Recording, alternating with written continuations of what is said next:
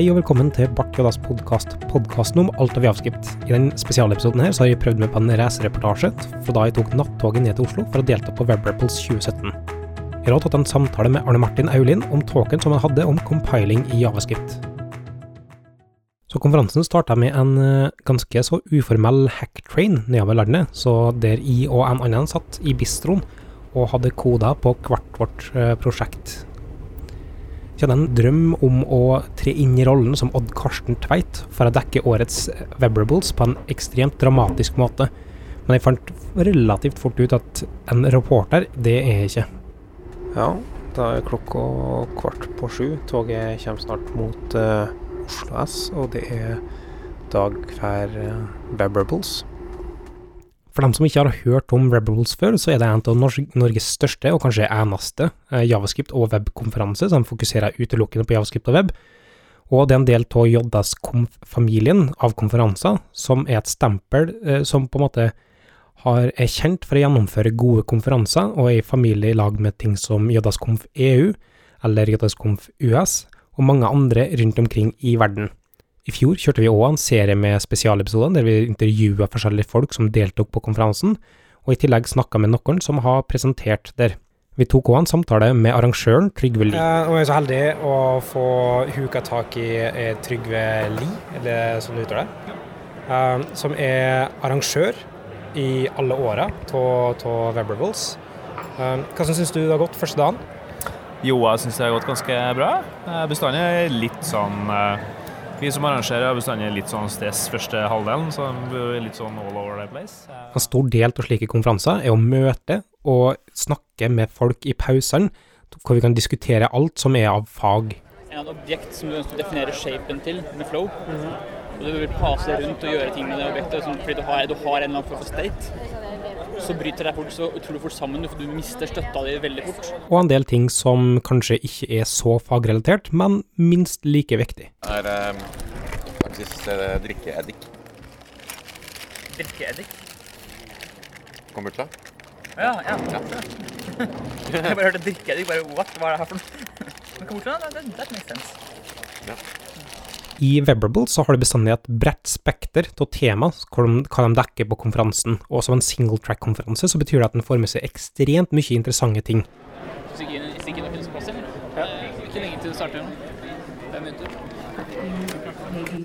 Alt fra security og social engineering.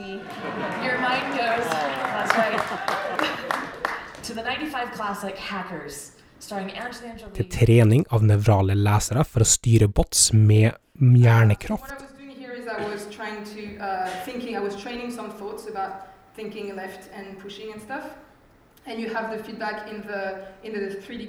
Og implementasjon av synter i nettleseren og livemusikk.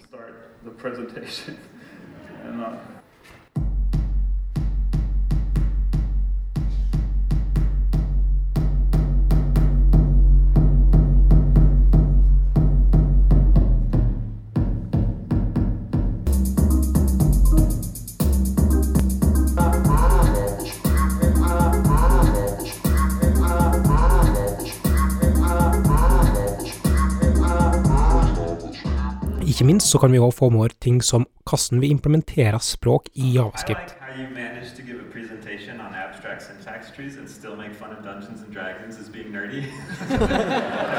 vi var da så heldige å få intervjue Arne Martin hele to ganger. I og med at så profesjonell som jeg er, så glemte jeg å ta opp den første gangen. Hva som fikk jeg til det? Har du tid igjen senere i dag, eller? Men heldigvis så var Arne Martin såpass sjenerøs at jeg kunne ta med en ny samtale med han i neste pause. Sånn. Og da står det rekk der. Mm -hmm. og, da, og, det betyr at da, da lagrer den Dere sier på en måte Ja, den, den, den lagrer den uh, samtalen. Ja, jeg er sikker på at du har bånd i opptakerne. uh, det tror jeg faktisk. Ja. Så jeg har med uh, Arne Martin, som vi òg kjenner fra faktisk fjorårets uh, podkastepisode fra, fra Webrables. Men i år så har han uh, hatt en presentasjon som uh, Du kan egentlig si hva den heter sjøl? Ja, Tittelen på foredraget mitt var um, uh, 'Compiling or Transpiling or Whatever' to Javascript. Hva, hva, så vi får sagt det først som sist. Hva er liksom forskjellen egentlig på compiling og transpiling? Betyr det noe? Og hva er whatever? um, forskjellen på compiling og transpiling er egentlig ikke så veldig viktig.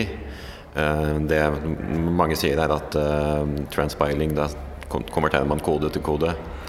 Typisk hvis man bruker uh, Babel eller noe som genererer javascript-kode, så transpilerer man. Hvis man kompilerer program til maskinkode eller bytecode, så er det kompilering. Men det er, en forskjell som er stort sett akademisk og ikke så veldig viktig, og blir veldig hårete hvis du begynner å snakke om hvor grensa går. Så det er ikke noe jeg har tatt for meg. Men, men i utgangspunktet sant, bare det at uh, du sier at uh, du, du, ser ofte det med at Babel transpilerer osv., men, men det betyr da egentlig bare kompilering? Den type kompilering? Ja, jeg vil påstå det. På samme måte som at du kompilerer ned Java-koden din eller C-sharp-koden på samme måte. Det er bare en subtype eh, av, av, kompilering på, på lik linje. Ja, det kommer an på, på måte, hva, du, hva måte, målet med kompilering er. Da. Mm. Og eh, så, så, presentasjonen gikk nå inn på egentlig hva kompilering er. Eh, så, så, kunne du ikke bare tatt en sånn kjapp forklaring. Hva var det du snakka om, og, og, hva er kompilering? Ja, jeg gikk egentlig ganske grunnleggende inn i hva, hva, en kompilator er for noe, og hvordan det fungerer. Jeg kan jo på en måte ta hoved, hovedstegene i, eh, i en kompilator nå. Det finnes veldig mange kompilatorer i verden som gjør ting på forskjellige måter. og Forskjellige språk trenger forskjellig håndtering, men på en måte de fire vanligste og viktigste grunnstegene i kompilator. Først er det eh, leksikalsk analyse, sier man det på norsk. Ja. Og så er det syntaktisk analyse, AC-transformasjon og kodegenerering. Så, så, det er i, i alle hovedtrekk fire steg som det går gjennom for å, å lage en kompilator? da? Ja, det er på en måte de fire typiske stegene, ja. Det første steget eh, Da tar man eh, kildekoden til programmet og bare eh, lese gjennom hele koden som en string, bare eh, tegn for tegn. Og eh, kutter det opp og setter, og setter sammen Lager en liste over en måte, alle, alle, ordene, alle begrepene i, eh, i koden. Um, jeg vet ikke om det er noe som heter en lexer eller en tokenizer. Det er faktisk bare en sånn mer strukturell representasjon av teksten i programmet, bare som, eh, som tokens. For, for uh, Kildekoden er vanlig tekst, så du leser en typisk kanskje en fil eller bare en tekststreng, og så gjør den, som du sier, strukturell, uh, lesbar uh, maskinkode altså i, i togprogrammet, da, sånn at det skal være enklere å gå gjennom selve kildekoden. Ja, det er ja, i praksis bare en uh, liste over en måte, alle, alle, tingene som skjer i programmet, én etter én ting. Um, neste steget er uh, syntaktisk analyse. Da tar man alle de, den, den, lista over uh, tokens fra det første steget og ser på hvordan, hvordan de har lov til å passe sammen, hvordan de henger sammen. Og man bygger opp et, det som kalles et abstract syntax tree, eller en AST som er en trestruktur som representerer alt som skjer i programmet på en veldig, eh, en veldig inngående og eh, måte, detaljert måte. Da. Så er det en, en, ordentlig beskrivelse av alt det programmet gjør. Og, og det er typisk en, eh, en, en, en Jason-struktur f.eks. der det står sånn type Uh, det starter et program, og så, er det, er hvis du har en assignment, så er det en assignment eller en statement expression eller et eller annet. Og på venstre side så har du en identifier, på høyre side så har du en expression som blir en value, som er verdien f.eks. fire eller et eller annet sånt der. Som du kan da eh, lese ut og hele innholdet til programmet etterpå. Ja, akkurat sånn som det. Og I tillegg så har man nå typisk informasjon om eh, nøyaktig hvor i kildekoden eh, noe befinner seg. Og som at det funksjonskallet her er på linje 17 tegn 8 og varer til og med linje 20 tegn 10. Eh, sånn at man kan bruke det senere og f.eks. Lage source maps og sånne ting. Og typisk, For da har du en komplett representasjon av ditt program i en strukturell format. Så opp til det punktet her, da, hvis du møter på f.eks. en feil, så er det der fælmeldinga kan bli generert? Yes. Så hvis man har eh, tokens i feil rekkefølge, eller hvis man har noe som er uventa, som ikke er et gyldig, et gyldig program, så er det her man får uh, feilmelding om det, om at man har, om at man har et syntaksfeil, eller uh, hvis man mangler en parentese eller uh, et eller annet, så, så, er det her man får uh, feilmeldinger om det. Ofte i program så kan du få opp feilmeldinger som 'unexpected token'. Og, og da er det sånn sånne type ting det kommer fra, da, kanskje? Ja, det er akkurat, eh, akkurat det man snakker om. Sier at typisk da, Hvis du har et program som avsluttes med en krøllparentes for mye, så er det krøllparentes som vil være token i, i, fra tokenizeren i det første steget. og da når du kommer til slutten av programmet, du har en krøllparentes til overs, så er det et uventa tegn som du ikke ja, Så unexpected token kommer derfra. Så du har, uh, du har tokenisert det, gjort om det, om det går an å si, hvis jeg sånn nå. Og så har du generert et abstract syntax til det. Og hva da steg, neste steget etter det? Ja, Et vanlig steg etter det, da har man, når man har en, en, en ferdig gyldig AST, så vil, så vil man ofte det her er Ikke alltid, men ofte gjøre en viss transformasjon på den AST-en. Med, eh, det kan, kan, kan, bruke Babel som et eksempel. Eh, når Babel eh, bygger opp AST-en med på en måte alle, vil bygge opp AST-en med alle de fancy nye funksjonene som du har i ES2015 og videre. For de har, egen, de har en egen, parser som de kaller Babylon, som tar og, og kan lese kildekode med den typen uh, ny syntaks, og så genererer han da et syntaks 3 fra det. Jeg tror det bruker ikke Acorn. Jeg tror, jeg tror uh, Babylon ligger oppå Acorn, som blir brukt i bunnen av, tror jeg. For du har en ny versjon som heter Babylon 6, som, er, uh, som jeg tror ligger til grunn for, uh, for den nå. Yes, uansett, um, Babel vil da gjøre en, en AST-transformasjon, som er liksom det tredje steget i en vanlig kompilator. Og konvertere denne AST-en, som har alle de nye fancy javascript-funksjonene, til en AST som er mer tilpassa eh, sånn eh, god gammeldags javascript, sånn som eh, forfedrene våre brukte å skrive. Sånn så den måte, da er klar til å konverteres tilbake til javascript i det fjerde steget i populeringa, som er kodegenerering. Da tar man bare den AST-en man har, og har en funksjon som på en måte vandrer ned hele treet i den tekststrukturen og spytter ut ferdig kode for, for hver node i treet. Er det når man kompilerer til javascript, så spytter man nødvendigvis ut javascript-kode i disse her. Men uh, hvis man på en måte bruker en sånn ordentlig kompilator, så eh, kommer det gjerne ut maskinkode eller bytecode i en eller annen form. Så egentlig så er det siste steget, da, steg fire, som er kodegenerering, det er bare en slags printing av AST-en. Så du tar AST-en på en format, og så printer du på en annen måte, men det er samme informasjon som ligger til grunn for det? på en måte? Eh, det stemmer. Kodegenereringa er gjerne ofte den enkleste biten av, eh, av en kompilator. Fordi det er, det er eh, AST-en og AST-transformasjonen som er der, der måtte jobben virkelig gjøres. Ja, for så, sånne uh, strukturer kan ofte være lang og uh, stor og, og mye, mye, informasjon. Og det å liksom, traversere det for å transformere det mellom to forskjellige strukturer kan jo være litt uh, jobbkrevende sted. Da. Ja, det kan være mye jobb. Det er store strukturer, de inneholder veldig mye informasjon. Og det, bare det å sette de sammen kan være ganske, ganske mye jobb. Så det å på en måte konvertere en sånn struktur til javascript-kode er eh, den enkleste biten av det. Så da er det fire steg som går inn til en kompilator. som du sier. Først så tokeniser du, og så er det parsing til AST-a, abstract syntax tree. Og så transformerer du fra en AST til en annen type AST og så printa du potensielt den siste AST-en eh, ut til et kjørbart program i et eller annet miljø du ønsker å kjøre det i. Det stemmer. På, i, på foredraget mitt så uh, tok jeg for meg et uh, programmeringsspråk som jeg har uh, Eller det er, det er, så enkelt at det kan knapt kalles et programmeringsspråk. Men bare det absolutt enkleste jeg kunne komme på, som fortsatt hadde, hadde nok verdi til at det kunne gå an å kompilere det som er et uh, veldig enkelt språk for å rulle terninger. Hvor jeg på gikk gjennom uh, all koden man trenger for å kjøre både leksing og parsing og kodegenerering på det her superenkle språket. Da.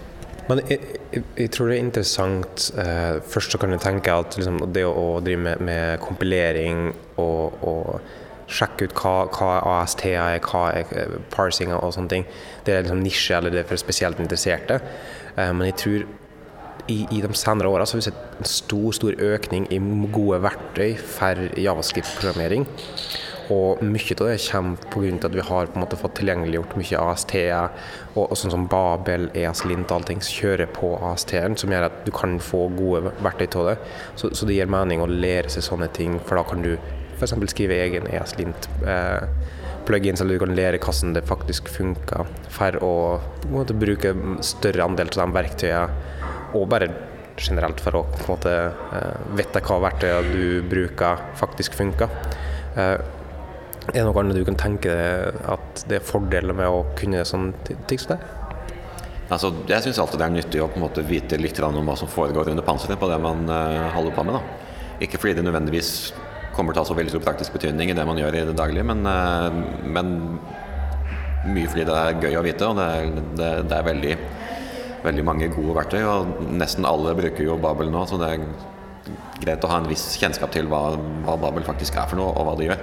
Et veldig, veldig nyttig verktøy som jeg har kikka litt på mens jeg skrev talken min, er noe som heter eh, AST Explorer.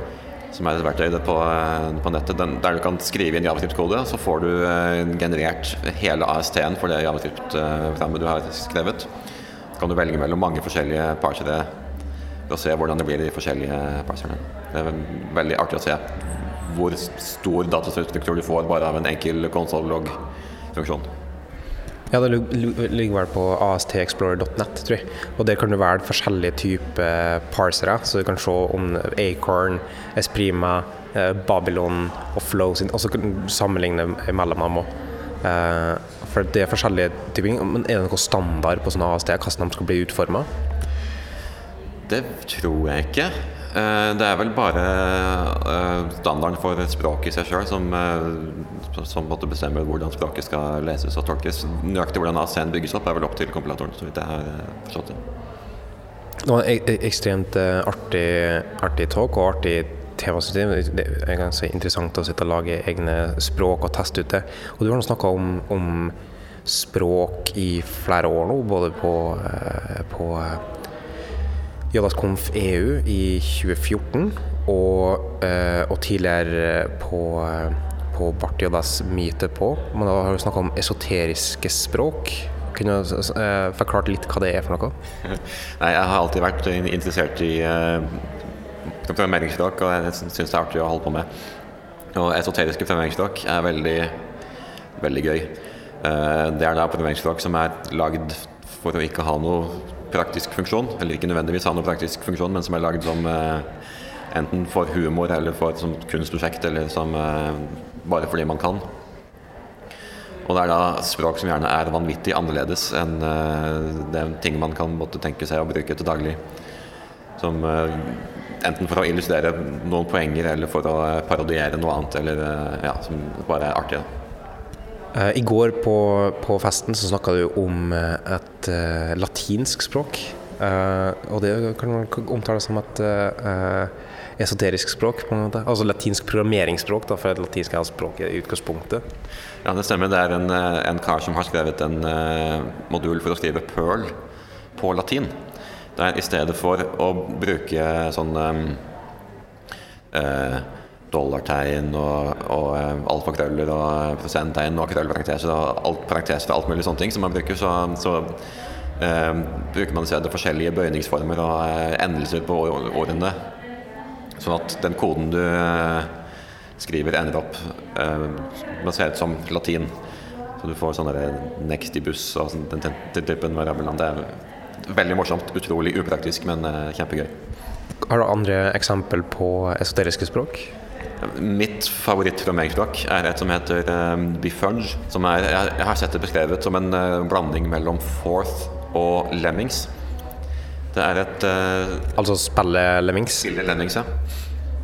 Det er et språk som er stack-basert. Det vil si Man forholder seg ikke til uh, variabler, man har bare verdier på en, på en stack. Man leser og skriver til stacken. Alle kommandoene i språket er, opererer på, på stacken, og alle kommandoene er ett tegn. Eh, og koden skriver man i en todimensjonal matrise. Og programmet kan da kjøre i alle retninger i denne matrisen. F.eks. hvis man har en, en, eh, if, så er det typisk eh, Man popper en verdi fra sekken. Hvis den er 1, så snur man til høyre. Hvis den er 0, så snur man til venstre. Det er en typisk operasjon i uh, Bifurge. Det, er- veldig artig. Det, det var opprinnelig lagd for å ha et språk som, er, som skulle være så vanskelig å kompilere som overhodet mulig. Eh, fordi det kan modifisere sin egen kildekode i runtime. Du kan skrive eh, nye in- in- instruksjoner inn i programmet mens du kjører. Eh, så det gjør det jo helt umulig å, å kompilere til, til binærkode.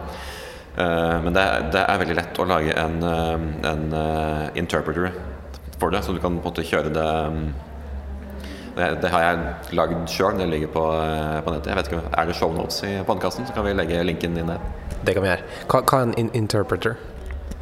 Det er da i stedet for å konvertere eh, kildekoden i språket til eh, måte, ny kjørbar kode, så leser man bare eh, instruksjonene og, og kjører de eh, underveis, i stedet for å måte, generere noe ny kjørbar kode. Har ikke det et navn med sånne eh, språk som kan generere seg sjøl, eller endre sin egen kildekode? Jeg mener det skal hete et eller annet? Det vet jeg ikke, det er sikkert noen navn for det. Det finnes navn for det meste, gjør det ikke? Ja. Eh, Det finnes også et programmeringsspråk som heter Piet, eh, eh, som jeg har sett, som, som er etter kunstneren. Jeg husker ikke hva han heter, Piet, men, men, men malerier. da. Så det er et grafisk programmeringsspråk der du kan lage bilder, og så kjøre de bildene. Det stemmer, det er oppkalt etter Piet Mondrian, som er en kjent eh, kunstner. Um, og det er, det er veldig likt Bifurge, uh, bortsett fra at i stedet for tekst i en matrise, så har du uh, piksler i et bilde. Så det er jo da befrunch for Photoshop, i praksis. Så du, du, du kan sette- dra opp, dra opp Photoshopen, sette, tegne et par, par streker og et par røde piksler og blå piksler, så får du output. Og, og det er, er det Turing komplett eh, eh, språk, så du kan gjøre på en måte mye ting, eller har du Ja, jeg tror det. Jeg tror det er eh, ganske likt i, eh, med at det er stack-basert. eh, så, så du kan gjøre eh, egentlig teknisk sett alt, men eh, det er ikke akkurat praktisk. Hvis, hvis du hadde fått eh, IO på det, så kunne du potensielt ha eh, programmert seg sjøl til å outputte seg sjøl. Så kunne du ha eh, laga en automatisert uendelig GIF som genererer seg sjøl lazily. Ja, antageligvis. Så på en sånn måte så kunne du ha programmert en film til å programmere seg sjøl. Det skulle jeg likt å se. Hva, eh, så, så, du er åpenbart interessert i sånn programmeringsspråk og, og kompilatorteknikk. Eh, hva, hva, hva, ble, hva som ble interessert i det? Jeg vet ikke. Jeg, har jo en eh, bakgrunn fra informatikk på eh, NTNU. Eh, men jeg tok liksom aldri kompilatorfaget når jeg gikk der. Men jeg har alltid vært interessert i måte, de litt mer snevrere bitene av, eh, av uh, yrket vårt. Da. Og kompilatorer er det ikke så veldig mange som holder på med, men jeg, jeg syns det er veldig, veld, veldig spennende. Og, uh, det, det er noe helt annet enn det jeg gjør til daglig. Uh, så det er, det jeg, jeg syns bare det er gøy å, å vite litt om det og, eh, og jobbe med det. Og det er kanskje der og den sånn eh, esoterismen, kan de kalle det? Ja, hvorfor ikke? Eh, Der kan komme fra. Da. Altså det at eh, på jobb så må du gjøre liksom seriøse ting og eh, produksjonsklar kode. Mens hvis du da skal kode for artighet, og bare ha det kjekt, og, og ha det artig med språk og ha det artig med programmering, som flesteparten sånn, har det som hobby i tillegg, eh, så kan det være noe som er totalt meningsløst. Du kan kaste det, og det er bare, rett og slett bare for artighet. Akkurat. Det er akkurat sånn jeg tenker. Da. Det er, hvorfor gjøre noe saklig når man kan gjøre noe usaklig? Det er et generelt godt livsråd, er ikke det? Ja, det vil jeg si. Uh, tusen takk for eh, at du tok deg tida til å ta en liten prat. Uh, og hvis noen har lyst til å bli interessert altså Hvis noen blir interessert å, å sjekke ut mer om kompilatorer, kanskje til med esoteriske språk, og ha det artig med, med språk, eh, har du noen gode læringsressurser? Og så kan vi lenke til ting i, i showen, som du, som du sier? Ja, um jeg kan jo eh, eh, nevne min egen talk som jeg har holdt eh, i går. Ehm, eksempelkode og, eh, og sånt ligger på, eh, på GitHub. Det kan vi sikkert linke til. Og i tillegg så vil den bli lagt ut på, eh, på konferansen sin, eh, altså WebRable sin video, så, så du kan se den, eh, se den der. Eh, Det må ha en livestream også, så kanskje det allerede er tilgjengelig. Eh, Så vil jeg også anbefale eh, et prosjekt som var veldig mye til nytte for meg når jeg skrev talken min. Som heter Super Tiny Compiler, som ligger på som en kar som har lagt ut på Glitch. Som er egentlig mye av det samme som jeg holdt for i dag òg, men et veldig enkelt eksempel på en kompilator med alle de fire stegene. Da. Ja, den er ek ekstremt nyttig og, og lærerik. Jeg har brukt den sjøl når jeg sitter og skriver Tester ut uh, og, og skriver en kompilator sjøl. Og uh, gå stegvis, akkurat de trinnene som du nå har snakka om, med tilhørende tekst og beskrivelse for hvert steg og hvordan du gjør det. Og, og det tar ikke lang tid å lese gjennom, men utrolig nyttig, uh, som du sier. Ja, kjempenyttig. Det er ikke mange linjer i kode, og det er godt skrevet og godt dokumentert, så det er absolutt nyttig å, å se på. Har du noe eh, esoteriske språk som eh, noen burde sjekke ut eh, i tillegg, helt på tampen? Tja, hvis man har lyst til å prøve seg sjøl på å skrive en, tol en tolker eller en kompilator for et esoterisk språk, så kan jeg kanskje anbefale et som heter TUE, T-H-U-E, som er oppkalt etter en norsk matematiker, som er et veldig artig ikke-deterministisk språk med, med superenkelt uh, syntak, som er kjempeenkelt å skrive en, en veldig enkel parser. Det hørtes ut som en, en bra ting. Et et ikke-deterministisk språk. Stemmer. Kjempegøy. Ok, eh, Takk igjen. Hvis eh, jeg vet du er stor fan av dårlige ordspill og pøns, eh, hvis noen har lyst til å få en evig kilde av det på Twitter, eh, hvor kan de gå hen? På Twitter heter jeg Arne Mart. Det var det av dekninga av årets Webrables, og det ligger videoer ute allerede på, fra begge dagene av livestreamen. Og så antar jeg at kanskje allerede når den episoden her har kommet ut, så har det kommet videoer av alle foredrag. I hvert fall så går det an til å sjekke ut allerede nå. Eh, tusen takk til alle som jeg har tatt opp i smug, eh, muligens ulovlig. Takk for alle diskusjoner, og ikke minst takk til Arne Martin som stilte opp til å ha en samtale om sin vittige presentasjon hele to ganger. Takk for at du hørte på, så høres vi igjen neste episode.